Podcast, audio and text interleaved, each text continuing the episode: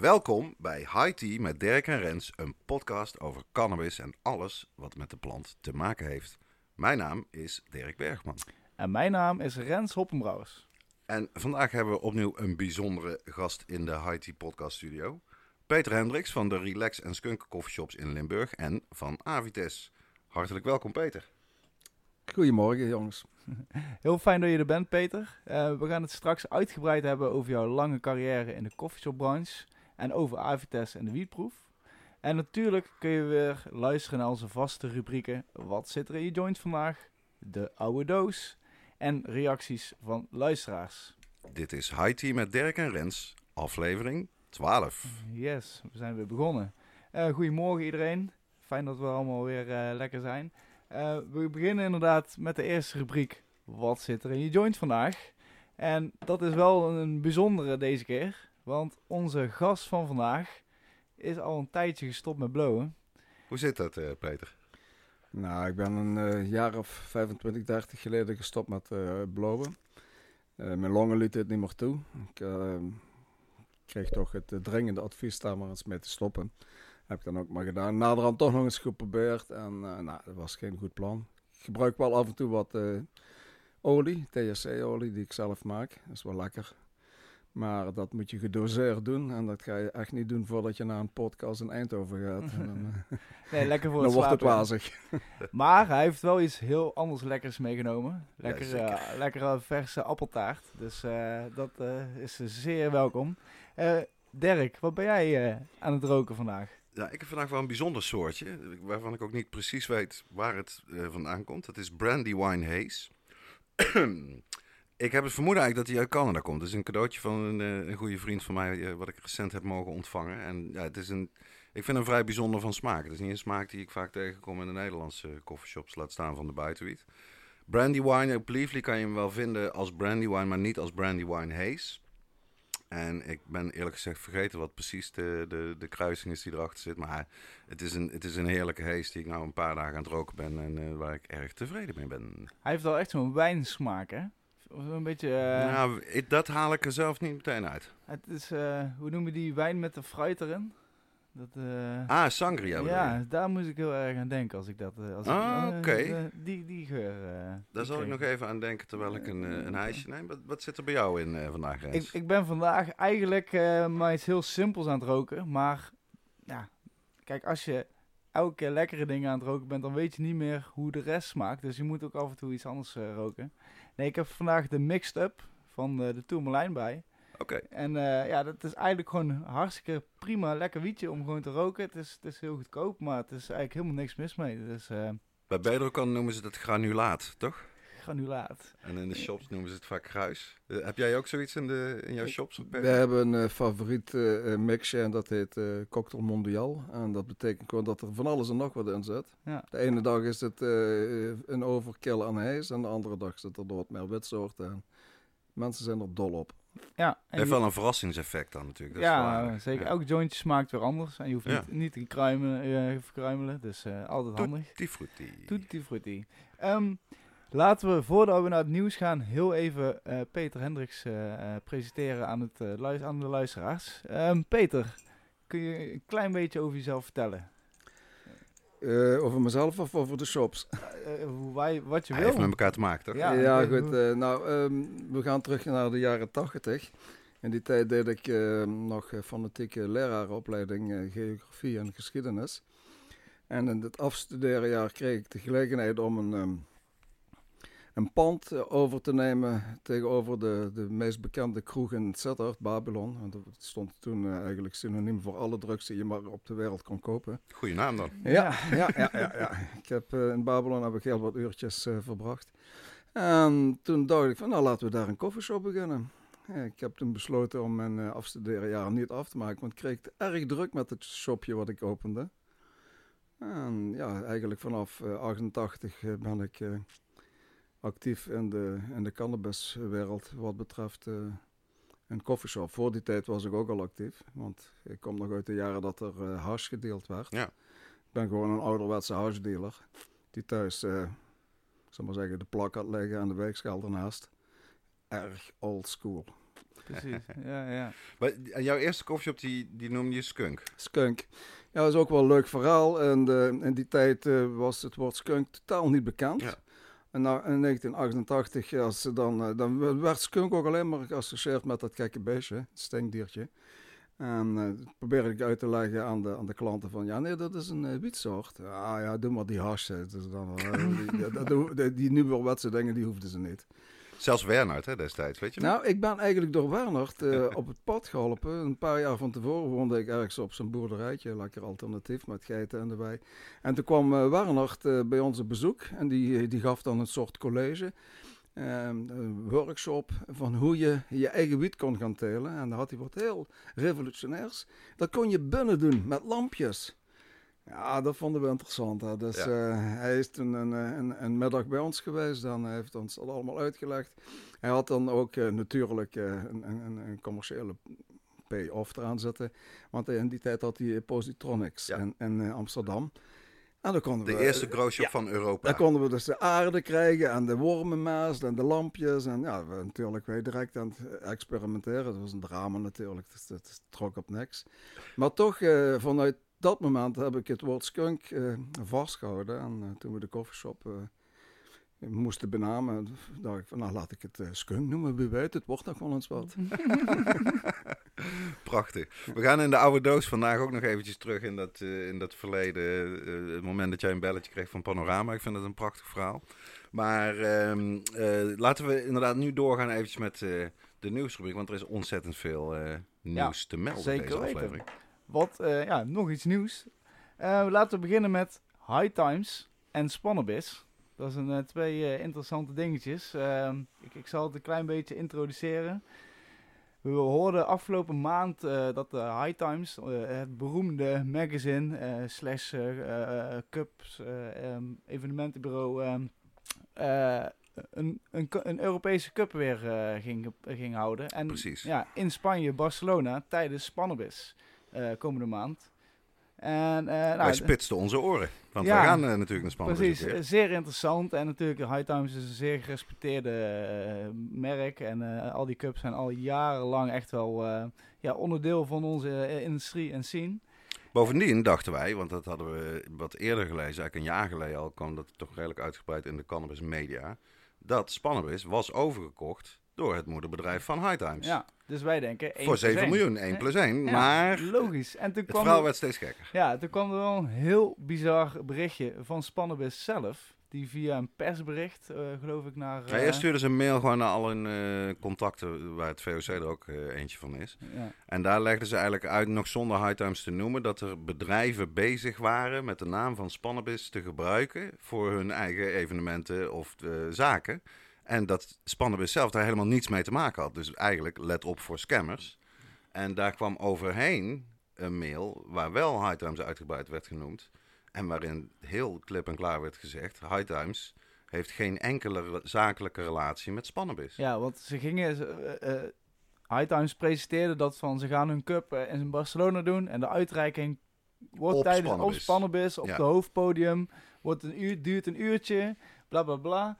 En ja, kijk, uh, het is heel grappig om te zien dat inderdaad zo'n groot bedrijf eigenlijk op de vingers wordt getikt door een redelijk nog Ja, kleiner... High Times beurs. bestaat langer dan 40 jaar. Daarom. En, en, en ook eigenlijk dat High Times daar zo ontzettend de mist in gaat eigenlijk door Ja. eigenlijk als fake news nou te worden bestempeld, weet je wel. Dat is echt ja, Het lijkt me, het, pijnlijk eigenlijk een beetje. vanuit Nederland gezien lijkt het echt een, een voorbeeldje van eh, fake it till you make it. Maar ja, als mensen dan erachter komen dat je aan het faken bent, dan eh, gaat het dus mis. Ja. Dus ze, geen High Times Cup op Spannabis dit jaar. hebben ze daar nog op gereageerd, die High Times jongens? Of, nee, eh, ze, ze reageerden niks. er niet op. Ze Nee. hebben alleen hun tekst op de website en op een Instagram post eh, ver- veranderd. Want ze- Hm. inderdaad, overal stond uitreiking Spannabis. En dat is nou gewoon weggehaald. Dus Ik ben benieuwd of dat ze nog verder wel gaan houden. Maar echt ook de, de reacties eronder. Nou, dat wil je echt niet hebben als bedrijf. Nee. Als ze zo over je praten van... Ja, jullie komen alleen maar naar eh, Europa zodat wij of eh, jullie tickets kunnen betalen en nog ook jullie wiet eh, kunnen geven. Blijven ja. toch Amerikanen. hè? Ja, precies. Dus ik vond het, ja, Maar goed, eh, de achtergrond ook van het verhaal is dat er inmiddels eh, voor de zoveelste keer managementveranderingen zijn geweest bij Trans High Corporation, heet ze volgens mij het moederbedrijf van eh, High Times. En dat ze dus, daar hebben we het in de vorige aflevering al over gehad, eindelijk zou je kunnen zeggen twee winkels hebben gekocht. Waarin ze Cannabis Cup winnaars onder andere gaan verkopen, gewoon wiet verkopen. Dus ik zie High Times niet failliet gaan. Maar Nee. dit was wel duidelijk een, wel een een vreemde flater. Even kijken. Tweede editie van 420 Hemfest in Radion in Amsterdam. Zondag 19 april, georganiseerd door Suvernuver. En eh, het is gratis eh, toegankelijk. Het is een, volgens mij de tweede keer dat ze het organiseren. Ja, ja, klopt. volgens mij het is Ja. eigenlijk, en ik vind het persoonlijk, het is een beetje na eh, kindje na cannabis eh, bevrijdingsdag. Zo zie ik het een beetje. Misschien dat Ja, en ooit, er zijn natuurlijk, eh, ik denk twee of drie keer was er in Amsterdam een soort eh 420 meeting niet georganiseerd door Suvernuver. eh vanuit Haarlem, als ik me goed herinner, met Noor van Schaik. Mhm. En zij hebben het wel opgepikt inderdaad, omdat er na Cannabis Bevrijdingsdag eigenlijk niks meer was in Nederland. Dus ja, weer een maatje groter. Ik ken die locatie ook, Radion. Daar kan je echt wel 2000 mensen kwijt. En nou ja, top dat het gratis is. En wat ik ervan begrepen heb, is het gewoon ja, eh, een leuke dag met een marktje erbij en live muziek en eh, lekker roken. Ja, ja ik, Dus, heb, eh, ik heb de foto's gezien. Ik ben er helaas niet geweest. Ik heb vorig jaar eh, of de foto's gezien. Zag er echt enorm gezellig uit. Dus ik denk dat het zeker de moeite waard is om, eh om doorheen te gaan. Maar let dus op, het is niet op 20 april. Ja, dat het is is, wel een op beetje... 19 april. Dat is een beetje jammer. Maar ja, ik- kijk, je wil het Op toch op die zondag doen. En niet op de maandag. Dus ehm, Ja. ik zeg eh, naar de volgende nieuwsbericht, eh Dirk. Ja, dat is Femke Halsema. Eh, het wordt een beetje Kremlin-watchen wat ze nou precies bedoelt met haar vele uitspraken en interviews die gaan over de drugsmarkt en de coffeeshops in Amsterdam. En eh, wat wel aardig is, is dat onze VOC-adviseur, lobbyist meester Rozen, die heeft al een aantal weken geleden min of meer voorspeld dat Halsema eigenlijk bezig is met een grote omtrekkende beweging. Waarbij ook hoort dat ze dreigt zelfs met invoering van de wietpas. Hè, dat er dus toeristen niet meer de coffeeshops in zouden mogen in Amsterdam. En dat dat eigenlijk allemaal voorwerk is om uiteindelijk uit te komen bij... we moeten die achterdeur reguleren. Want dat geeft heel veel problemen. En we hebben al zoveel problemen in Amsterdam. Want daar hebben we allerlei onderzoeken over liggen, et cetera, et cetera. En dat lijkt toch een beetje uit te gaan komen. Want afgelopen week heeft Femke Halsema een interview gegeven op AT5. Waarin ze na eh, inderdaad het nodige over misschien moeten we wel de buitenlandse bezoekers gaan weigeren. En misschien moeten we wel het aantal coffeeshops verminderen, et cetera. Dan zegt, ik wil tegelijkertijd ook kijken of wij de achterdeur toch kunnen gaan regelen. Je moet er echt voor zorgen dat de aanvoer niet meer illegaal is. Je ziet dat wij internationaal ingehaald worden op dit moment. In Toronto, in Minnesota, Californië. Ik weet eigenlijk niet hoe ze bij Minnesota komt, eerlijk gezegd, maar goed. Ik bedoel, plekken die je niet direct associeert met liberalisme. Zie je dat men wel degelijk stappen aan het zetten is. En ik denk dat ondermijning een nieuw argument levert.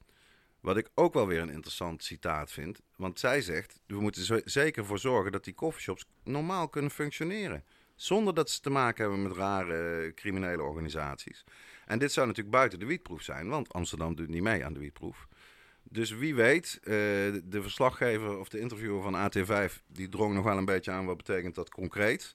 En toen was ze denk ik ook verstandig genoeg, Femke Halsema, om te zeggen, nou ja, ik wil eerst met de branche gaan overleggen. Ik wil eerst zorgen dat de politiek draagvlak is. Ik heb vaak concrete plannen, maar dit is meer, we moeten nog kijken hoe we het precies gaan doen.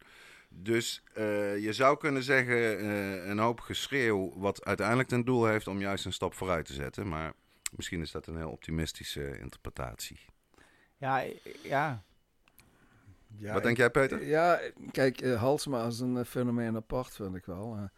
Eh, ehm, zij, eh, zij, zij geeft in, in eerste instantie aan dat er te veel coffeeshops zijn, dat er te veel eh drugstoerisme is. Alles is, ik zal maar zeggen, uit den boze. En dan wil ze dat wel dan gaan doen. En dan mm, op een of andere manier voelt dat voor mij fout. Dat ze dan zegt van ja, we moeten ook iets aan die achterdeur doen.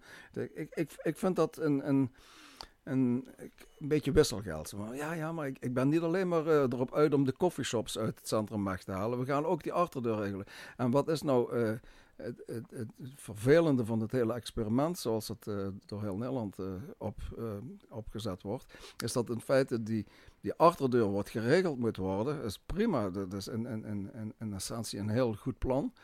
Maar de uitvoering, die zien we terugkomen in heel veel beperkingen aan de voorkant. Dus die, die voordeur die wordt gigantisch dichtgeduwd om die achterdeur te organiseren. En dat is iets wat ik de hele tijd niet begrepen heb van het experiment.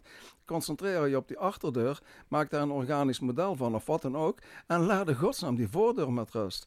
En dat is wat eh, Halsema nou ook doet. Ze zegt, ja, die voordeur, er moet iets mee gedaan worden. En, eh, Hmm. ja, en dan, oh ja, oh ja, was ik vergeten te zeggen, we gaan ook iets aan die achterdeur doen. Want dat is eigenlijk het concept van het experiment. Ja, zeker. Kwalijk. Ja, uh, we gaan het straks ook nog zeker even over het experiment hebben. Maar Ja. wat qua Halsema, het is, het is inderdaad... Aan de ene kant juich ik er heel erg toe dat ze zegt van... Ja, we moeten het echt uit de criminele scene halen. Heel goed, Zeker. inderdaad. Maar eh, zij wil inderdaad de, toerist gaan, eh, gaan weren. Ja, als ze dat echt wil.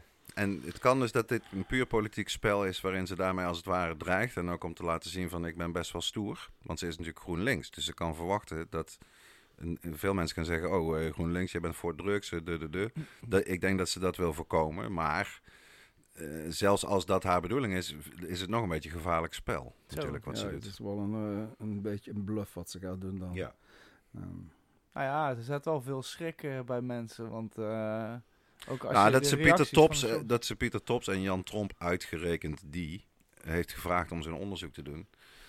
Ja, ja, dan eh, geef je aan dat je fout bezig bent. eigenlijk wel toch? Ja, ik zeg het voor jou, Dirk. Dankjewel. Maar genoeg over Amsterdam. Ja. Op naar het buitenland. Parlementslid Kroatië presenteert wetvoorstel om cannabis te legaliseren, inclusief negen vrouwelijke planten thuisteelt per volwassene. Ja, de, Ja. de Vera Bergkamp van Kroatië zou je kunnen zeggen. ja, oh, precies. Dirk, we horen je niet. Ja. De Vera Bergkamp van Kroatië, ik, zoek haar naam eventjes erbij. Zij heet namelijk Mirela Holy. Holy. Holy moly. Holy moly. En- Wel een mooi naam. Zij heeft dus ja, een volledig wetsvoorstel eh, gepresenteerd in Kroatië in het parlement. Eh, waar die negen, negen vrouwelijke planten, dat is belangrijk om te benadrukken natuurlijk, eh, meteen vanaf het begin erin staat thuissteelt per volwassene. Ja, dat zou natuurlijk, stel dat we dat nou eens Europees zouden gaan uitrollen. Dat elke Europese volwassene negen vrouwelijke planten mag kweken, of die dat nou buiten of binnen doet. Dan, dat vind ik eens een serieus voorstel. Daar kan je me uit de voeten. Dan heb je wat eh, variatie en heb je wat uitvalmogelijkheid. En nog steeds genoeg planten om daar zelf eh, eh, van te roken, zeg maar. Mhm. Kroatië is dat al onderdeel van EU? Volgens mij wel. Of zijn ze kandidaat? Net als Montenegro en Servië. Dat denk ik eerlijk gezegd wel. Ja, dat Hm. zij nog niet erbij zitten, nee. Ja. Dus dat zou ook weer betekenen dat ze misschien wat meer vrijheid voelen om dat nu eh, zelf te regelen. Ja. En wat natuurlijk interessant is, is dat Rick Simpson de afgelopen jaren, Eh, sinds hij... Wat ik ook al dacht, Kroatië zit al vanaf 2013 in de Europese Unie. Oké. Dus eh, goedemorgen. Goed voor de, goed voor de Ja. redactie. Ja, eh. precies. Maar- Kun je nagaan, ik rook ineens een joint. Nou ja, hoe dan ook kan je zeggen dat eh, in Kroatië is al wel wat langer eh, wat aan de hand. En het is zoals heel veel Oostbloklanden hebben ze daar natuurlijk nog in levende herinnering een eh, lange henneptraditie. Ze, de, de oudere mensen weten gewoon nog dat hennep eh, op het veld stond. Want het is onder het communisme is hennep nooit eh, aangepakt, integendeel. Dus de, ja, nee, veelbelovend nieuws en hopen eh, dat zoiets... het moet allemaal natuurlijk nog meerderheid krijgen, wat er van overblijft en of het die meerderheid krijgt. Maar dat houden we ook in de gaten. Ja, zeker. Heel interessant.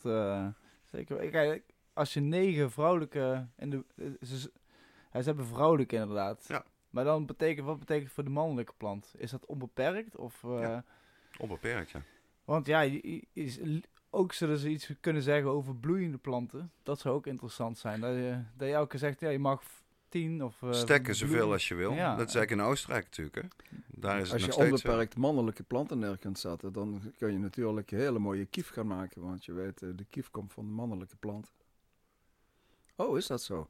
Nou, Tell us more. eh. Ja. Nou ja, goed. eh, In, eh, in Marokko, in de Rif, eh, heb je de, de twee, eh, twee substanties wat je kunt roken. Mhm. Dat is de hash en de kief. Ja. En de kief, in tegenstelling tot eh, wat iedereen denkt, eh, is het product van de mannelijke plant. Het zijn de, het zijn de, de, de bloemen die ontdaan worden van een, een klein schaaltje, zo'n zo'n schelpje waar ze in zitten. En eh, ja, ja, dat is een, eh, een verschrikkelijk werk om eh, een klein hoeveelheidje bij elkaar te krijgen. De vrouwen doen dat daar ook. Dus zij zetten urenlang die, die bloesems van de En mannelijke dan roken de man het op. En dan komt de man en die pakt dat, eh dat beuteltje en die roken dat lekker met z'n allen op. Nou, dat is wel, dat is wel een interessant dingetje. niet, nee. Want we En, en een kief, daar word je super high van, maar nul stoned. Ja, nul stoned is overdreven. Weinig stoned. Mm. Ja. Want Wauw, dat zou je gewoon ook eens een keer moeten testen in het laboratorium hoe dat zit met THC-CBD-verhouding. En die... eh, Ja, maar eh, ik, ik zei al net, het is een geweldig vervelend Ja, rotwerk dat- om een heel klein beetje Ja. van die kief bij elkaar te krijgen. Nou ja, want ik ken de mannelijke bloem eh, natuurlijk wel. Ja. En eh, daar kan ik me iets bij voorstellen. Ja, dat lijkt een beetje bijna safraanachtig. eh, Ja. Echt maar heel weinig Dat is gewicht. een mooie witte toppen zijn. Toch? Ja. Nee, maar Dirk, weet je nog de, de discussie tijdens de wiet-experiment, tijdens die, eh of die bijlagen? Dat ze dus, eh, ze praten toen over hars als pollen. Ja, dat dus van de mannelijke plant komt. Ja, stuifmeel. nou, eh, oh, oh, oh. Ja, oh, serieus. oh. En- Wie zei dat? In overheidsdocumenten over de wietproef. Oh. Nee, Dus, dat was eh, de bijsluiter van Trimbos. Dat ja, was van het. Trimbos. Toen ze Ja. over... eh, ja, Die hebben ze naar ons hars- gestuurd als VOC of wij daar nog aanmerkingen op hadden. Dacht het wel. Ja, ja, Laten we beginnen met niet te zeggen dat hash samengeperste pollen is. Want Ja. het is echt geen stuifmeel wat wij Ja. hier ook... eh Nee, en maar... in de rest van de wereld. Ja, inderdaad. Maar, eh, Gisteren op NPO 1 eh, verkondigde nog een of andere hoogleraar dat er nog steeds helemaal geen keurmerk is voor eh, CBD enzovoort enzovoort. Dan denk ik ook van, mijn god, heb je je huiswerk niet even gedaan? Ja. ja, nou ja. Een verzuchting die hier op kantoor wel vaker eh, Ja. wordt gehoord. Over keur, keurmerken gesproken. Misschien moeten we August Lul ook zeker een keer hier eh in de Absoluut. uitzending hebben. August de gast, hoeven Ja, we zelf niks te Die zeggen. wilde ik al aanbevelen, maar ja, je, je, Oh! haalt, het je haalt het gras van mijn voeten weg. Ik ga, in, ik ga een nieuwe bedenken. Shit. Shit. Nou ja, hij is wel in ieder geval goed voorbereid. eh. dat is één ding maar zeker. Excuses. Over naar Nepal. Ja, laten we naar het laatste nieuwspuntje gaan. En daar hebben we het eigenlijk de vorige keer ook al over gehad. Eh, Nee, dat was India. Oh ja, shit. Ja, ze- oh. Ze liggen naast elkaar, maar het zijn toch echt verschillende landen. Oh, daar ga ik even flink te mist in. Nou, die knippen we eruit. Maar, eh, nee, maar ja, Nepal wil gaan legaliseren. Ja, een verhaal van de Associated Press, wat onder andere door Leafly eh, is overgenomen van 10 februari. Eh, dat is de, de ruling Communist Party, want die zijn aan de macht in Nepal. Niet veel mensen zullen het weten. Maar 46 leden van deze regeringspartij hebben dus een eh, wetsvoorstel ingediend. Veel belangrijker zou je kunnen zeggen, of gewichtiger dan in Kroatië. En hier wordt eh Birot Katiwada geciteerd. Legalizing marijuana will help the poor farmers, and since most of the Western world, which was reason for making it illegal in the first place, have already ended the prohibition, Nepal should also lift the ban. Met andere woorden, omdat in het grootste deel van de wereld wiet al legaal is, moet Nepal dat ook doen. Eh, als activist en journalist zou ik die, die eh, uitspraak niet voor mijn rekening nemen, maar het geeft wel aan dat ze gewoon serieus, eh, ze gaan er echt voor. Nou, ze vinden het politiek verantwoord om zoiets te roepen. Ja, nou ja, ik weet niet wat precies Daar. de achtergrond is. Ja, zou kunnen, zou kunnen. Wat, wat natuurlijk fascinerend is, dat Nepal, dat, dat, hoort, dat is de geboortegrond bijna van, van de plant. Daar is het echt al duizenden, duizenden jaar wordt het gebruikt. En pas in 1976 eh, is het verboden in Nepal, onder druk van Amerika en de VN. Dus precies in het jaar dat wij in Nederland begonnen met het gedoogbeleid en de scheiding tussen softdrugs en harddrugs, is het in Nepal misgegaan. Maar ja, als het goed is, komt aan die eh, lange periode van het verbod eh, snel een einde in Nepal. Het, is, wil ik eh, wel eens terug daar. het wordt tijd om eigenlijk een eh, grote wereldkaart hier op te hangen. En overal eh, zo'n vlaggetje in te zetten van landen waar het eindelijk legaal Landen is. groen eh. kleuren. Ja, dat zou toch wel... Ja, eh, goed idee. Ja, en het, je ziet gewoon, het begint nou echt als een olievlek over de wereld te verspreiden, toch? Ik bedoel, in Mexico is nou ook weer volg als aandacht ervoor. Ja, Zuid-Afrika. Als- In Nieuw-Zeeland praten ze erover, toch? Volgens mij. in, de, in de Canberra area, Ja. daar is wiet legaal eh, inmiddels. Wat Ja. ook wel weer interessant is, daar is dus ja, één grote stad met de regio eromheen. Daar is het gewoon helemaal legaal. En de rest van het land is helemaal verboden. Dus wat we hier daar krijgen met de wietproef, zeg maar legaal, eh, half gedoogd legale shops en volledig gedoogde illegale shops. Dat hebben we in Nieuw-Zeeland eh, eigenlijk ook. Allang. ik, ik zeg, we gaan nu even terug naar Peter. Voordat we naar de oude doos gaan. Ehm, kun je ons dus wat meer vertellen over Avites? Want we, inderdaad, we noemden Avites in het begin, Ja. maar misschien weten mensen niet precies wat Het Avites is eigenlijk natuurlijk een... eh, Ja, dat daar was hij eigenlijk re- heel, wel, wel verdiend voor. Maar eh, waar staat de afkorting voor? Alliantie van Integere Telers en Shops. Dus eh, het hele verhaal zit in, in de afkorting. Eh, de bedoeling van Avitas is dat er een platform eh, gemaakt wordt, of eigenlijk al eh, gemaakt is, waar de, de, de coffeeshops en de telers elkaar kunnen vinden. En eh, elkaar vinden betekent dus dat je eh, naar elkaar kenbaar kunt maken wat je wil en wat de andere partij kan leveren. Dat is eh, bedacht in een tijd dat het experiment nog niet aan de orde was. We hebben het op het ogenblik staat Avitas op een eh, laag pitje. We zijn tegen wat eh, problemen aangelopen, want een van de onderdelen van Avitas was dat er een, eh, een soort garantie moest kunnen worden gegeven voor het product wat in de coffeeshops kwam. Dat zou betekenen dat er een eh, kwaliteitscontrole zou moeten worden gedaan in de vorm van eh, gewasbeschermingsanalyses en een daarvoor aangewezen agrono eh, eh, agronomisch Ja. Laboratorium. laboratorium. Ehm, dat hadden we, hadden we voor elkaar totdat eh, de overheid daar een stokje voor stak. Eh, die vonden dat, eh, dat dat niet kon, wettelijk. En ze hebben toen de, de ontheffing van het laboratorium ingetrokken. En we praten over een heel groot gerenommeerd laboratorium. Die waren ook not amused over dit hele verhaal. Dus daardoor zijn we ehm, tot stilstand gekomen. De laatste paar weken zetten we ons toch weer te bezinnen over het idee dat het eh, misschien een goed plan is om met Avitis een, een, eh, een aanbod te doen in het eh, experiment. Want daar zul je ook zien dat shops en, en de telers elkaar moeten vinden. En dat daar ook een, een monitoring plaats zou moeten vinden op kwaliteit. En dan moet je gewoon als een, een neutrale partij tussenin kunnen staan. ja, dat, dat mist er sowieso wel. Maar hoe, hoe ben je hier eigenlijk mee begonnen? Wat is eigenlijk de reden waarvoor je eigenlijk Avites zelf bent eh, gestart? Dat was eh, het, het feit dat we de, met, met, met vijf, eh, 570, of hoeveel coffeeshops hebben we op het ogenblik in Nederland? 573. En zeg, kijk aan, 573 coffeeshops in Nederland niet de mogelijkheid hebben om te eh, testen op de, op de cannabis die we verkopen. Dus je verkoopt wiet en je, je hoopt maar dat het eh, vrij is van gewasbeschermers. En gewasbeschermers is een mooi woord voor de, de grootste rotzooi natuurlijk, pesticiden. En toen ben je dit, bij, Ja. elkaar gekomen? Dus eh, dan denk je, hoe gaan we dit eh, aanvliegen? Dan moet je een, een organisatie op poten zetten die met een eh, laboratorium aan tafel kan. En dat hebben we dus ook gedaan. En het laboratorium was enthousiast. Ze mochten dat ook volgens hun eigen ontheffing. En we hebben ook een aantal testen gedraaid.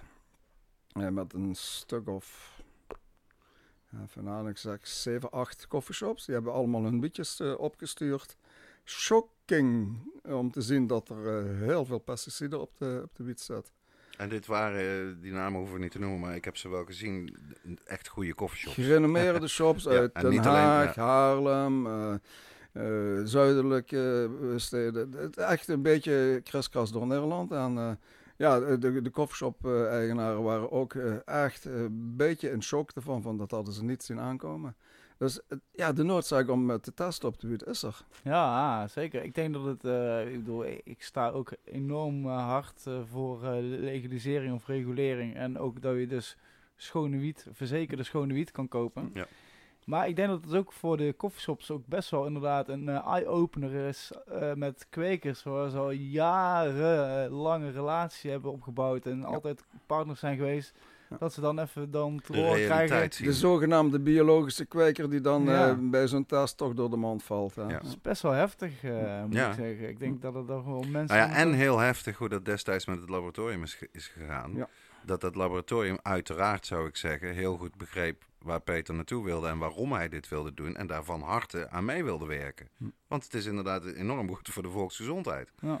Maar dat er dan echt van hoge rand, als je daar eenmaal aan begint en het loopt, zeg maar, dat daar gewoon de hele vergunning wordt gedreigd met de hele vergunning in te trekken. Ja. Wat zijn dat voor bizarre methodes? VWS heeft eh, toen de tijd, we zijn daar uiteraard nog met VWS aan tafel gegaan. En die zeggen eh, eh, met droge ogen van, luister, we kunnen hier niet aan meewerken, want het is, is en blijft illegale cannabis en dan gaan we niet faciliteren dat dat onderzocht wordt. Zo. Dat Het zou eigenlijk op de voorpagina van de krant moeten staan, vind ik. Want het is toch, het is, ik vind het van de ratten besnuffeld. Ja, echt heel shocking. Met een miljoen blowers. Ja, die, die toch in ieder geval een deel van hun wiet in de koffieshop kopen. Ja. En eh, dat wordt dus tegengehouden om dat te kunnen laten testen eh, ja, of, of het veilig is. Ja, de, de, hun redenatie was zo van, ja, dat zijn telers.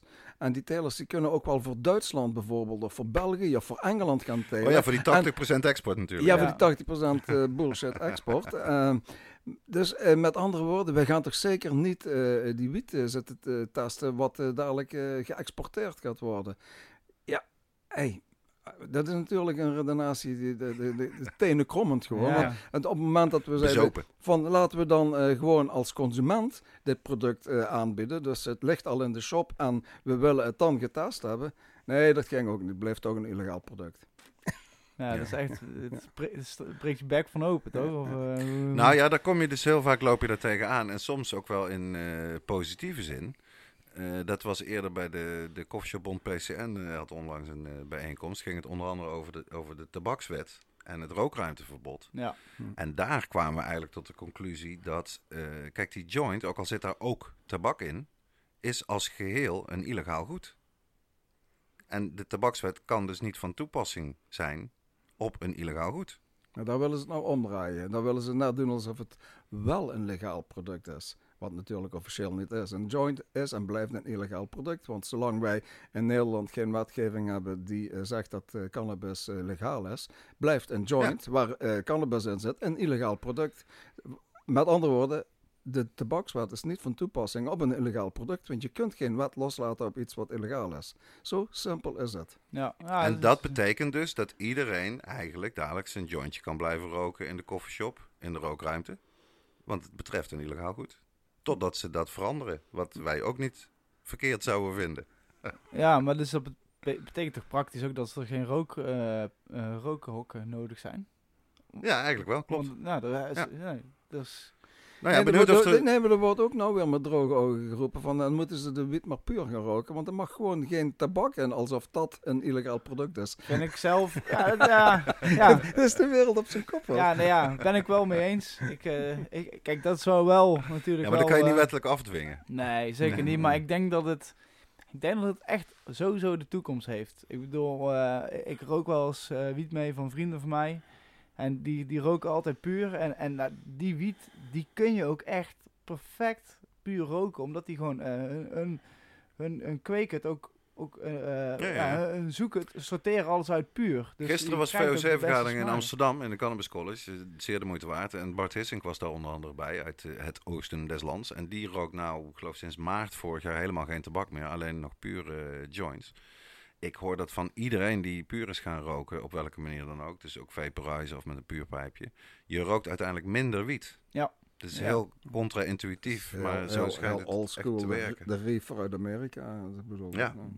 Want die, die nieuwe joint die jij wil draaien, dat is de nicotine die jou roept. Dat is echt niet de cannabis die jou roept. Daar, daar komt het een beetje op neer. Ja. Maar dat zeg ik als eh, oude tabaksroker. Kijk, wij zijn gewoon de voorlichters. Hè. Wij moeten zelf nog het goede voorbeeld geven, maar Ja. eh, we, we praten er in ieder geval over. Laatst kreeg ik En, een tip van iemand die ik vroeg, hoe ben jij dan van die tabak afgekomen? Die zei, nou, ik heb onder andere een baard laten staan.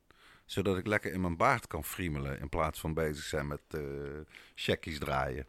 Dus nou, het is uh, en af en toe dan schoren die baard af. Hield er een vloeitje onder. Hij was wel gestopt na, na vele jaren. Ja, nee, het is nee, ik ben er... Ik denk dat het gewoon op een gegeven moment is gewoon geen sigaretten meer kopen. En het gewoon blijven... bl- wel, wiet blijven halen. Toch? Dan krijg je En de weer wiet een- goedkoper. Ja. ja Sowieso precies. een Ja, belangrijk we, punt. we werken eraan. Maar, ehm, ja, ik zou zeggen, laten we ook naar de oude doos gaan. Misschien is het Ja, want de oude van- doos, eh, dat is een bijna niet te missen kans, zou ik zeggen, als we zo'n veteraan aan tafel hebben, net zoals Peter. Eh, vo- voordat we de, de opnameknop indrukten toen we de fly aan het snijden waren, eh, vertelde jij dat je op een mooie dag in 1990 een telefoontje kreeg van Panorama.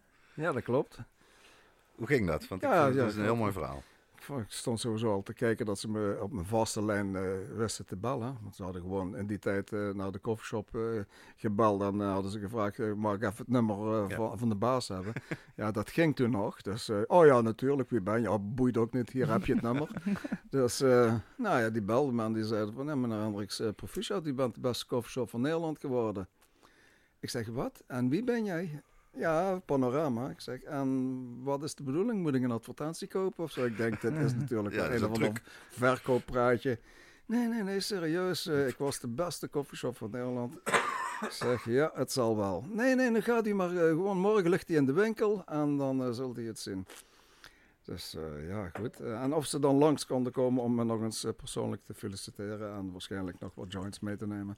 Maar ehm, is goed. Uh, de dag daarna afgesproken en uh, inderdaad, hij lag in de winkel. En wat bleek, de, de Panorama had in die tijd, uh, ik geloof, 40 coffeeshops verspreid door heel Nederland getest. En dat ging toen nog, die twee gasten die me gebeld hebben, die, die zijn gewoon al die shops afgegaan, naar binnen gegaan. En dan hebben ze dus gelet op een paar dingen van, nou, hoe is de bediening? zijn de wijven geil en is de, is, de, en, is de cannabis goed? Nou ja, goed, prima. Dus uh, en ze hebben het dan wel opgestuurd naar een uh, laboratorium om te laten testen. Dus, Zijn al? Ja. ja, ja, Zijn de vrouwen nat en is de wiet droog? Ja, nou, dat wilde ik nog niet direct zeggen. maar in ieder geval, we hebben toen uh, prijskwaliteit uh, hebben we het gewoon gewonnen. En ja, ik had op dat moment gewoon ook waarschijnlijk mooie meisjes achter de bar staan. Dus het viel Met allemaal, zin? Ja, het viel allemaal in, in goede aarde. Een goede voorlichting hadden ze gekregen. Dus nou, ik stond op plaats 1 en Henk de Vries met de Bulldog stond op plaats 40. Nou, Henk is daar nou nog doodziek van. maar uh, ja, de, en toen was het, uh, ja, was het hek van de Dam. Zoals? Ja, een week later kreeg ik de deur van de shop niet meer open. Dus uh, ja, echt niet meer normaal. Echt niet meer. De mensen kwamen gewoon, ik weet niet, van, van, van, van omliggende landen. Van, van, heel, heel Nederland kwam op bezoek bij me. Die gekke panorama, ik, ik, had dat nooit verwacht. En welk jaar was het ongeveer? 1990. 1990, zo. Ja, ik vind het ook heel significant, omdat je kan zien wat een verschil met nu. Hè? 30 jaar later, we zijn in 2020. Het hele idee dat nog een groot publiekstijdschrift zegt... wij hebben veel tijd gestoken in te bepalen... wat is nou de beste koffieshop van Nederland. Ja. We zetten die eens in de, in de bloemetjes, weet je wel. Dan... Ondenkbaar. Het is allemaal criminele organisatie, mensenhandel, wapenhandel, schizofrenie, waar komen ze allemaal mee? Ah, ze doen wel af en toe de frikandeltest uh, tussendoor. Ja, maar niet voor, weet je, de cannabiscultuur is helemaal weg, zeg maar, uit de mainstream media, uh, met kleine uitzonderingen hier en daar. En dat is, uh, ja, geweldig. Ik heb zelf nooit bijna ooit, ik heb stage gelopen bij Nieuwe Revue. Toen heb ik ook de grote koffieshop test gedaan. Erg leuk, per provincie was het toen. En dat was ook iets wat toen in ieder geval nog wel kon, ja. Dat je gewoon want laten we wel wezen, de doelgroep van de Panorama en de Nieuwe Revue, toen en nu, ja, die zit wel in de koffieshop voor een groot deel, of haalt daar zijn uh, rokertje. Mm. Dus natuurlijk ga je daar aandacht aan besteden op een normale manier, op een niet de, het oude stigma-cliché verhaal. Dus dat, dat is wel mooi. En waar ik aan moet denken is dat, uh, want dat is echt heel kort daarna natuurlijk geweest, daar moet ook wel enige connectie uh, zitten. kijk, ik ben ooit begonnen als journalist bij de High Life. En daar speelde het verhaal, dat heeft Boy mij wel eens verteld, de, de oprichter en uitgever destijds, Boy Ramzai, dat hij dankzij Peter, eigenlijk, die in een heel vroeg stadium uh, een move maakte, kon beginnen dat hij echt highlight van de grond kon krijgen. Hoe zat dat? Uh? Ja, dat klopt. Uh, ja, in die tijd uh, gebeurde het regelmatig dat uh, bedrijven, bladen en zo. Uh, ik, ik heb zelfs nog op een uh, onderligger, bureau-onderligger van de politie gestaan met mijn coffeeshop. Ja, ja, ja, een paar jaar. Dat deed ik gewoon natuurlijk om te stangen. kijken hoe lang het goed gaat. totdat er op een gegeven moment een commissaris zei van, wat staat hier nou? Ja, dan werd dat natuurlijk direct niet gedaan. Maar ja, je, je werd vaker benaderd voor advertenties te plaatsen. Zo kwam... Ehm, uh, Boy Ramshaai bij mij in de koffieshop. En toen werkte hij nog uh, gewoon uh, bij de VVV-gids. gewoon advertenties verkopen en hopen dat je ervoor rondkomt. Ja, goed, ik een advertentie dan maar in de VVV-gids gezet. Nou ja, het gaat ook nergens over, maar prima, een klein advertentietje gekocht. En nou, hij wat gebabbeld en zo. Nou, hij vond het allemaal heel spannend en leuk en eh, ook cool dat ik daar eh, adverteerde. Heel gevaarlijk wat ik in die tijd deed, want affichering was er wel niet. T- eh, Ja, want de richtlijnen zijn toen ge- volgens mij Ja. 91 of zo ja, gewijzigd, ja, ja. Het be- begon er aan te komen dat we steeds Ja. meer criteria om de oren krijgen. Dus affichering begon toen al een item te worden. Nou, een paar maanden later stond Boy bij mij aan de deur. Hoe die aan mijn deur kwam, weet ik ook nog niet. Is waarschijnlijk gewoon in de koffieshop kan vragen waar ik woonde. Goeie lobby Dus pingpong, ja. ehm, en eh, dan had hij een goed plan. Hij wilde een, eh, een blad uitbrengen, High Life. En dat was dan alleen maar voor coffeeshop-eigenaren. Alles met cannabis en zo. Oh, ik zeg, eh, leuk, idee. ja, leuk idee, leuk, super. Ja, ja, maar hij miste toch nog één dingetje. Ja, ja ik zeg, ja. Ja, het geld om het op te zetten. Ja, toen hebben we afgesproken en dan pak ik, ik geloof een jaar lang, heb ik de achterkant eh, geadverteerd. Dus eh, en dat heb ik dan vooruit betaald. En dat heeft hem eigenlijk het startkapitaal gegeven. Ja, toen kon hij echt beginnen. Nou, Oh, heel, Heel leuk. tof. Heel Ja. leuk, ja. Want zo is Joop Mestrom, Ja. die nu CNBS natuurlijk al een aantal jaren doet, eh, ook aan zijn eerste echte Ja. baantje gekomen. Ja. En hij, kijk, Boy heeft het idee gehad vanuit de, de commerciële kant, kan je zeggen. En eh, prachtig uitgebouwd.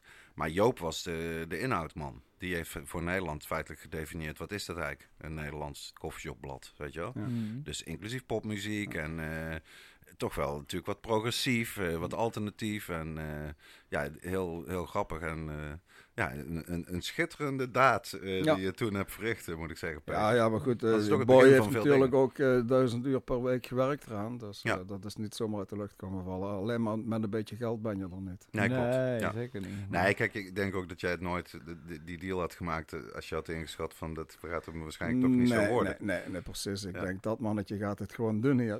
ja, en nu wel hoor. Toen al, hè? Ja, een leuke tijd was dat. Ja, ja, want je was toch altijd eh, benieuwd van, ja, gaat dit goed komen? Maar je zag het gewoon groeien. Je zag het gewoon groeien. Ja, want de Highlife lag vroeger gewoon ook in de kiosk. Hè? Ja. In ieder geval bij de ACO. En eh, ja, kon je hem gewoon kopen op het station. Echt waar? Dat Zeker is echt, eh, ik, Ja. ik ken hem echt alleen als gratis blad waar je dus bij Ja. de koffieshop Ja, kon... nee, eh, hij was, vroeger was hij gewoon betaald. En eh, ja. dat was, de, vind ik, dat waren de goede jaren van Highlife. Omdat er toen ook wat te besteden was met een grote kring van journalisten. En eh, ja, mooie Een nummers gemaakt. het was glossy, het was niet zomaar een, een Ja. blad. Het was, Ah, ik eh, vind nou nog steeds heel goed hoor. ja. Hoe die, mooi, dat die, straalt Ja, gewoon aan zeker, kwaliteit uit. zeker. Er zitten leuke dingen. Ik lees hem ook altijd eigenlijk. Ik pak hem altijd mee. En hij was natuurlijk, hij is begonnen als twee maandelijks, maar heel lang maandelijks geweest. Hm. En nou sinds een tijdje weer terug naar twee maandelijks. Ja, en dan heb je bij elkaar ook weer genoeg te vertellen natuurlijk ook. Hè? Ja, Op en- dit eh. En we, en we staan er gelijk, eh, gelukkig ook, eh, ook wel eens in. Dat is ook wel leuk. Met de cup bijvoorbeeld. Of, eh, Daarom, vraag ernaar bij uw koffieshop. Precies. Heb jij nog een vraag eh, voor Peter? Eh, ja, ik heb wel een vraag. Want jij hebt koffieshops in Sittard en Roermond. Ja. En geen van beiden doet mij de wietproef, toch? Of wel? Gelukkig niet.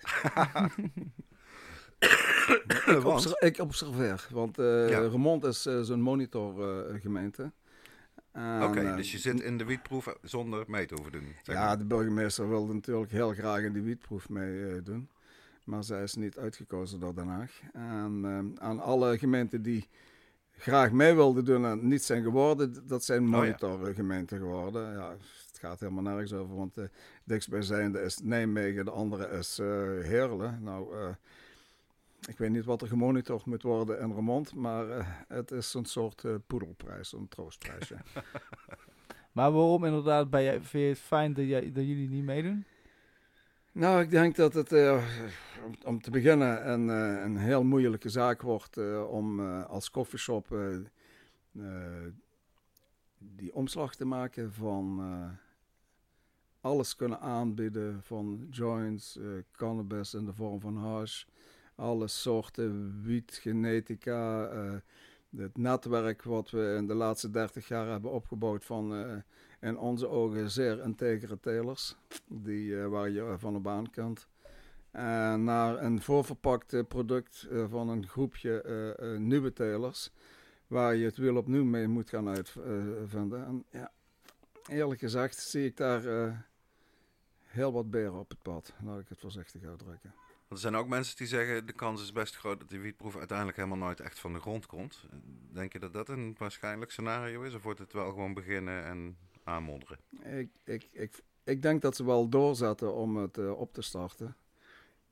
Maar nu al, en, en, en je merkt al dat er vertraging is. Dus, Ja. eh, dat is al een teken aan de wand. Ik bedoel, als je, als je het goed voor elkaar hebt en je denkt, eh, dit gaan we doen, dan, dan wil je niet eh, een vertraging hebben die nog niet eens een, een goede einddatum heeft. Want wanneer starten we nou? Dat, eh, Ja. dat kan niemand ons precies zeggen. En wat is de deadline zelfs voor de telers bijvoorbeeld, voor een businessplan in te leveren? Ja. Dat is allemaal nog niet bekend, hè? Ja. Dus eh, de, er zitten nou al wat, wat eh, kinken in de kabel. Dus ik, ik, ja, ik denk wel dat het doorgaat, maar in welke vorm en of het eh, überhaupt dan een eh, succesvol experiment wordt, mag ik betwijfelen.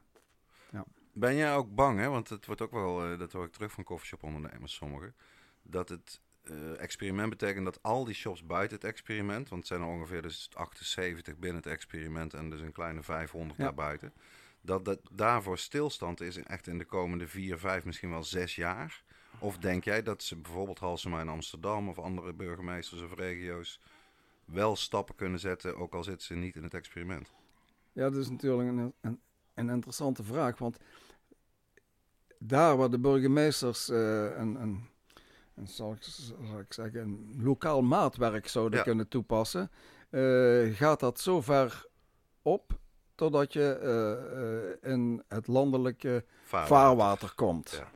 En Den Haag zal het eh, niet op prijs stellen als burgemeester zoals Halsema een eigen eh, achterdeur-experiment eh, gaan opstarten. Daar wordt ze absoluut teruggefloten. Dat durf ik met een Ja? zekerheid grenzende waarschijnlijkheid te zeggen. Oké, Ja, daar wordt ze op terug. Is genoteerd. Ja, ja, ja. Ehm, dus ja, de burgemeesters kunnen wel wat, maar dat is dan toch beperkt omdat het experiment gaat voor. Kijk, wa- wat, wat was ook een van de eh, ehm, antwoorden van VWS? Van ja, luister, we hebben dadelijk een experiment en daar wordt die wiet in, eh, in getest. Daar hebben we schone wiet. We zijn helemaal niet uit op eh 500 andere coffeeshops die ook geteste wiet hebben. Man, man, man. Kijk, kijk. Eh, wil je een experiment mooi uit de verf laten komen, dan zorg je gewoon ervoor dat de verschillen eh, groot blijven. Eh, het is toch niet aan, aan, aan volksgezondheid om zo te redeneren. Hmm. Ja, dan kijk... Ja, want dat is, maakt het nog extra erg. Dat ze op justitie zo'n redenering toepassen. Ja, het zijn Ja, politie. dat is een andere pet. Dat is maar. een andere ja, Ja, maar volksgezondheid, man, het zit in je naam van je ministerie. En je, Ja. je veegt er eh, je achterste mee af. We zouden hun ook graag eens een keer aan tafel willen hebben hier. eh, dat zou mooi zijn. Nou ja, kijk, als we August Delors aan tafel hebben, die kent een hoop mensen bij VWS. Dat weet ik zeker. Ook bij justitie en ook op het stadhuis. Dus wie weet dat hij voor ons een, eh Ja, ik heb ook wel wat een ketting namen. eh, Dus, uitnodiging kan regelen. Ja, nou. nog, nog even toch wel terug te komen op, op het dingetje waar je zei over, over nieuwe telers die dat dus dadelijk gaan doen. Ja. Ik ben een beetje om me heen aan het kijken en ik heb toch wel een aantal eh, organisaties gesproken die dus zich eh, inzetten voor deze experiment. En ik merk toch wel dat ze toch altijd wel terug, eh, terugtrekken naar toch de oude vertrouwde telers die toch al jaren in het vak zitten. Die ook denken van, nou, ik zou heel graag legaal willen gaan kweken. Meer zoals Dit John Ines, zeg maar, Stichting Ja. Joiners. Eh, ja. eh, eh, ook in Amsterdam zijn er projecten bezig, wat ik hoorde. Van Nou, die zijn, bestaande zijn telers, echt wel allemaal kwekers, echt uit de, de scene. Echt, het zijn geen enkele nieuwe Het lijkt een beetje alsof de, de projecten en de initiatieven die de publiciteit zoeken, zoals onlangs in NRC, gewoon twee pagina's, hè, dit zijn de mensen die het gaan doen, dat daar de onervarenheid zit. Dat Ja. zijn dus, zeg maar, weet je, de advocaat en de huisarts en de weet ik veel die gaan beginnen. Maar ik, heb, ik merk ook wel dat er andere initiatieven zijn die, die eigenlijk liever onder de radar blijven, zolang ze ook nog niet weten wat nu is. Ja, wat Welke kant zijn. het opgaat precies, weet je. Nou, ik, ik, ik heb echt goede vertrouwen dat op het moment dat die tender daar open gaat, dat er, nou, ik denk zeg 6% van de inschrijvingen echt, echt uit de scene zelf komen. Uit de, en dat, dat, dat mag ik hopen En hoor. die krijgen dat, dan net niet de vergunningen. Ja, dat, natuurlijk. dat zul je dan altijd zien. Maar eh, ik denk, en eh, ja, dat zijn wat je hoort in de, in de, in de wandelgang, om het zo maar te zeggen. Nou, Ja. weet je, eh, daar, daar kan ik natuurlijk eh, een beetje olie op het vuur gooien. Eh, ik denk dat het heel verstandig is als de sector gewoon en masse eh, gaat eh, inschrijven op dit eh, verhaal. Mhm. Eh, ze hebben aangegeven dat het met een loting moet gaan eh, gebeuren als er meer dan tien zijn. Dus als we dadelijk 300, 400 aanmeldingen hebben, Dan heb je hoe groot is de kans dan dat eh, de grote jongens die met 20 miljoen eh, eh, aan Canadese bedrijven, aan weet ik wat niet allemaal, eh Westland, aan eh, Hmm. ja, Nou de, ja, de- de tomaten en de paprika-telers, eh, dat, dat die dan eh, bijvoorbeeld eh, naast de pot passen. ja, Dat een is wel van, een ideetje. ja. Ah, een van die dingetjes wat ik dan wel las, is dat ze dan wel, je, je hebt echt toestemming nodig van de burgemeester van de Van de gemeente. gemeente waar je Ja. Zit. Met je, Eh, Dus ik, ik ging ook van tevoren denken, Ja. er gaan echt er gaan wel 500 of wel 1000 aanmeldingen komen. Maar Nee, er zijn nee, natuurlijk nee, nee. geen 1000 gemeentes of 300 gemeentes. nee, oké. Ik Die weet, ook dat, die er- ik weet een goede bron dat er negen eh, serieuze eh, bedrijven nou eh, eh, een eh, goede kans gaan maken. En eh, die hebben zich ook gemeld bij het eh, transportbedrijf. Want je moet ook het transport veiligstellen als eh Mhm. teler. En toevallig weet ik eh, welk transportbedrijf dit gaat doen. Daar ben ik eh, heel close mee. En eh, vroeg of laat gaan we vanuit eh Avitus ook waarschijnlijk met, met deze Ja. gegadigden al aan tafel om te kijken hoe zij openstaan voor een platform waar ze de coffeeshops beter kunnen vinden. Ja, want we hebben het daar eerder voor de uitzending kort over gehad. Dat nou is de bedoeling dat de NVWA alle telers controleert en dit hele proces, toch? Zoals het nu eh, in de planning Ja, staat. ja, NVWA week. dat is natuurlijk een verhaal op zich. Ja, Het is eh alom bekend dat ze onderbemand zijn en ze krijgen nou een, een, een werkelijk een, een, klus erbij waar Ja. ik me van afvraag of ze er überhaupt wel voor uitgerust zijn om dit eh, aan te kunnen. Dus, En daar denk jij dat dus Avites eigenlijk faciliterend zou kunnen werken? Ja, je moet, Eigenlijk ook met de ervaring natuurlijk vanuit de branche. Want Kijk, jij weet ik, ik zal het, ik eh, zal het voorraad, eh, gemakkelijk maken voor de NVWA. Als zij Ja. met uh, Avitus aan tafel gaan, dan kunnen zij heel snel een goede monitoring eh, tot stand brengen. Zonder dat zij op 125 plaatsen de, de hokken binnen moeten gaan om, ik zal maar zeggen, tasjes af te nemen en te kijken of er geen gewasbeschermers aanwezig zijn. Dat systeem is eigenlijk door Avitus al bedacht, zodat de, de teler eh, half verplicht is om mee te werken aan het eh, laten analyseren van zijn product. Anders komt hij in een eh, verkeerd hokje te staan. Eh, Strafbankje. ja, je, je kunt een aantal keren weigeren omdat je bijvoorbeeld eh, bedrijfstechnisch het niet uitkomt. Maar iemand die eh, structureel eh, weigert eh, mee te doen aan een eh, eh, gewasbeschermersanalyse, die staat dan op een gegeven moment eh, slecht te boek. En dat eh, kan in het ergste geval eh, doorverteld worden naar de afnemers. En ja, de coffeeshop is er natuurlijk bij gebaat om een goed en eerlijk product te krijgen. Ja, precies. En dan moet je gewoon een, een, een soort platform tussenin bouwen. Wat eh, het belang van de coffeeshop heeft, maar ook het belang van de teler heeft. En eh, ja, En van de consument. die consument die is er alleen maar bij gebaat als die coffeeshophouder het product krijgt waar hij op kan vertrouwen. Ja, zeker. zeker. Ja, dan heb je echt win-win-win. Als je het op een slimme manier eh, dit aan zou pakken. Ja, het is eh, wat, wat Mauro ook gisteren, eh, Mauro Piekervet gisteren ook zei. Het, het, het slaat eigenlijk wel nergens op dat ze niet gewoon thuissteelt gewoon ook gewoon eens even erbij kunnen proberen. Of. Ja. Want eigenlijk, Daar hebben wij natuurlijk als VOC bij D66, met name ook bij de wietwet al, vanaf het begin op gehamerd. Maak het nou inclusief.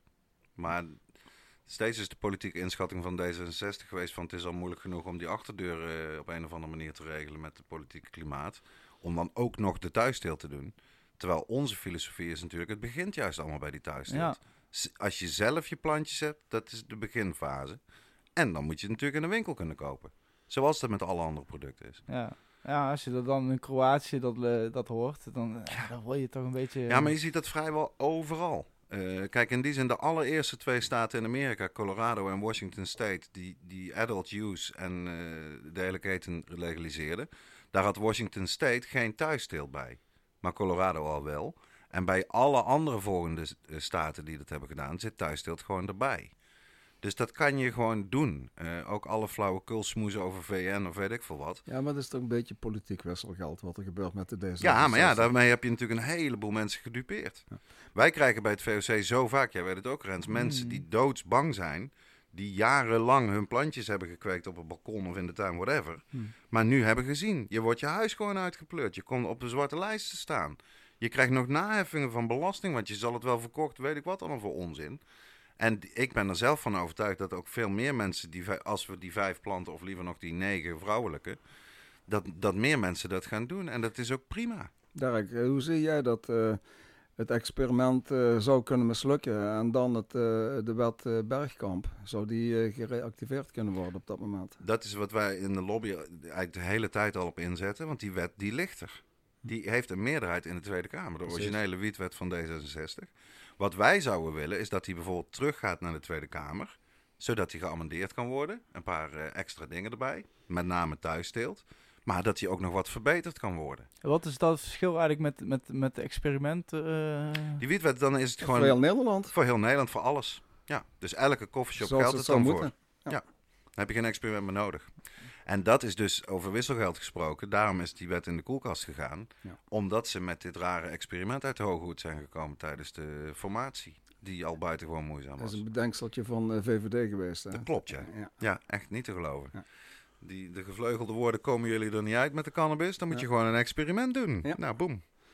Daar zitten we mee. Zo, Drie ja. jaar later. Ja, nou ja, inderdaad. Het is wel inderdaad de nadelen van de rest van de coffeeshops. Dat dan, Tuurlijk. Als, het, ze- als ze het gaan doen, dat ze gewoon stilstaan. Nou ja, Ze kijk, kunnen alleen maar toekijken. Wat politiek heel interessant is, gisteren op de VOC-vergadering, eh Jean Roos die was daarbij, dat zat ook zeker weer in zijn analyse.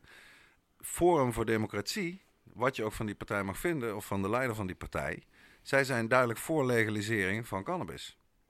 En zij doen het goed in de peilingen.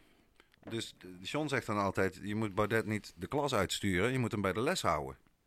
Want het is wel belangrijk dat ze dit punt vasthouden. En niet als iemand uit de achterban of weet ik wat er gebeurt, Nee, vasthouden die lijn. Want dan hebben we een duidelijke meerderheid voor regulering.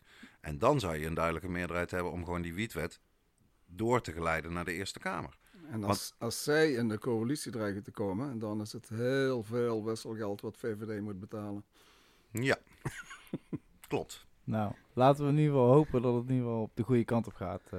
Meer kunnen we niet doen. Nou ja, we kunnen wel meer doen. En dat doen we, proberen we ook. Hè? Ik zeg eh, Zeker weten. reacties van luisteraars. Ja, zeker. Het is er De- tijd voor. We krijgen er ook steeds meer. Hè? Dat is erg leuk. Maar we, ik heb er toch eentje gekozen die een, eh, leuke discussie oplevert. Eh, en die is wel van vorige week nog. Maar eh, het is van... eh, ja, het is een YouTube-reactie, dus zijn naam eh, was een beetje vaag. Eh, eh, te Buda. Eh, hij, hij vraagt... Of zij. Of hij, ja, of zij. Dat weten we niet. Zou, inderdaad, zou ook, het zou leuk zijn als jullie een keer met beeld doen. Dat lijkt me veel gezelliger. Nou, we, we doen het niet voor niks eigenlijk. zonder beeld. Ik bedoel, je Zo heb ik mij niet geschoren, beste luisteraars vandaag. nee, het is, kijk, het is een dingetje. Ik, ik heb wel eens wat meerdere podcasts gezien waar ook beeld op is. En ehm, nou ja, kijk, het is toch met blowen, ook bij mij. Hè, je wordt op een gegeven moment toch, je gezicht gaat misschien toch een beetje hangen. Of je Je gaat zak toch misschien iets onderuit. ja, je gaat toch iets... Niet uit te eh, sluiten. En, en kijk, en dat horen jullie niet, snap je? En dat is zo, dat is zo prettig. Maar als je dat op beeld ziet, dan... En kijk, nu kunnen je nog lekker fantaseren dat ik misschien hier in mijn zwembroek zit eh, aan, aan een lekker aan een zwembad met een cocktail in mijn hand. Of ja, en dat is toch ook wel weer eh, het Dat is, mooie. de, dat is de aloude magie van radio die ook voor de podcast eh, opgaat. Ja. Ja, dus eh, En de Duitsers die zeggen, geht ins Ohr, bleib im Kopf. Ja, Kijk. dat, is, dat is zo mooi, ja. Dat is Dus mooi. eh, radio die gaat gewoon het oor in, maar wat veel belangrijker is, het blijft in je hoofd zetten. je wordt ook niet afgeleid. ja. ja, daarom. Dus eh, dat is in ieder geval de reden waarom wij geen beeld hebben. Ik hoop niet dat we je hiermee teleurstellen. Misschien over, eh, ja, misschien met een nieuw format. Je weet het nooit. Maar gefeliciteerd. Jij, we moeten echt binnenkort een nieuwe hebben. Dat is aardig. maar eh, jij bent in ieder geval het mooie fotoboek van Humboldt, Humboldt Green Gold USA van Stefleur. Van harte, Gefeliciteerd. oh ja, precies. Van harte gefeliciteerd. En wil jij ook zo'n mooi eh, fotoboek winnen? We hebben er nog een paar. Ja, Eh, reageer dan in de comments of eh, stuur een mailtje. Kan ook, hè? Waar Ja. naartoe? Ja, naar High Podcast, met, met een podcast met een T geschreven, at gmail.com. Of je kan reageren onder de, onder de video's op Instagram, YouTube, Soundcloud. En de leukste wordt elke keer weer eh, behandeld. Dus, En beloond met een vrij fotoboek. Exactly. En een, een mooie toeter-effect. Niet Ja. te vergeten. Ja, dat is, eh, die krijg je er extra nog bij Ook cadeau. suggesties voor gasten zijn welkom. Wie Ja. moeten we, of ik zouden we kunnen uitnodigen voor de IT podcast? Dat was eigenlijk mijn laatste eh, vraag aan eh, Peter. Helaas, eh, misschien heb ik hem al, eh, eentje voorgeschoven. Maar ja, stel je voor, je, blijft bij August Sloor. Waarom moeten we August Oh ja, dat is Sloor? ook goed, ja. Want dat vind ik wel... eh, Hoe ken jij August? Ja. Ja, hoe ken ik August? Ehm, ja, dat is een goeie. Die is in beeld gekomen via Guy Bulls. En Guy Bulls eh, is bekend van zijn Smart Shops series. Ja. ja. Ah. Ehm, hij, eh, hij zit al heel lang samen in het eh, kan met August. En voor die tijd hebben ze Durf jij die naam voluit uit te spreken? Of Geen- zal ik het doen? geen idee waar het voor staat. Het Cannabinoïde Adviesbureau Nederland. oh, kijk aan. Heeft August verzonnen. Ja. Een tongbreker. Ik zeg het niet meer. Het, het, ja, het- ik weet alleen dat het eh, over het CBD-verhaal gaat. Klopt. Ehm, ze hebben dus eh, eindelijk, na veel ploeteren, hun eh, keurmerk eh, rondgekregen. Waarvoor chapeau. Dat is toch wel eh, een milestone, denk ik. Ja. Ehm, en eh, van tevoren zat hij eh, in het Vlos, volgens mij. En daar zat Guy ook in. En uiteindelijk eh, ben ik met hem in aanraking gekomen, ook via Avitus weer. Ja, echt een veteraan natuurlijk, eh, Ja. August. Die eh, Ja. draait al mee sinds de jaren 70 Ja, nou die gaan we zeker, eh, en kan eh, uitgebreid vertellen. gaan we zeker proberen hier eh, naartoe te halen in ieder geval. eh, Ja, dan misschien een, eh, een, een, collega van me, een, eh, een, eh, een coffeeshophouder uit Weert. is misschien ook Mhm. wel iets eh, voor jullie. En dat is Hassan. Die, Ja. die eh, is oorspronkelijk van Sittard. Die heeft de eerste jaren bij mij als bedrijfsleider eh, gewerkt in de eind jaren 80. Begin 90. En is eh na de rand zijn eigen coffeeshop begonnen in eh Weert. Een Paradox. Oh, ja, die ken ik wel. aardige gast. Ja. Een Marokkaan die plat kalt.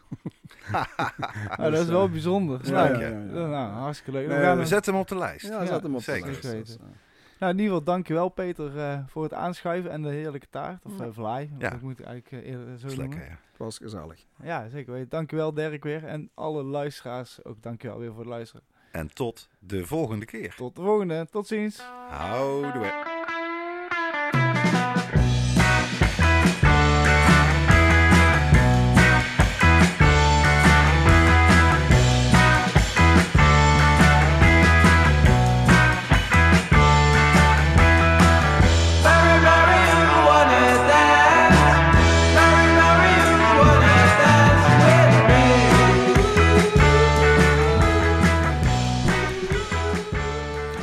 Tea met Dirk en Rens wordt gemaakt door Dirk Bergman en Rens Hoppenbrouwers. Onze tune is Marijuana van Moon. Beluister de muziek via iTunes en Spotify. Volg Tea op Instagram, at. Ons mailadres is highteapodcast at gmail.com.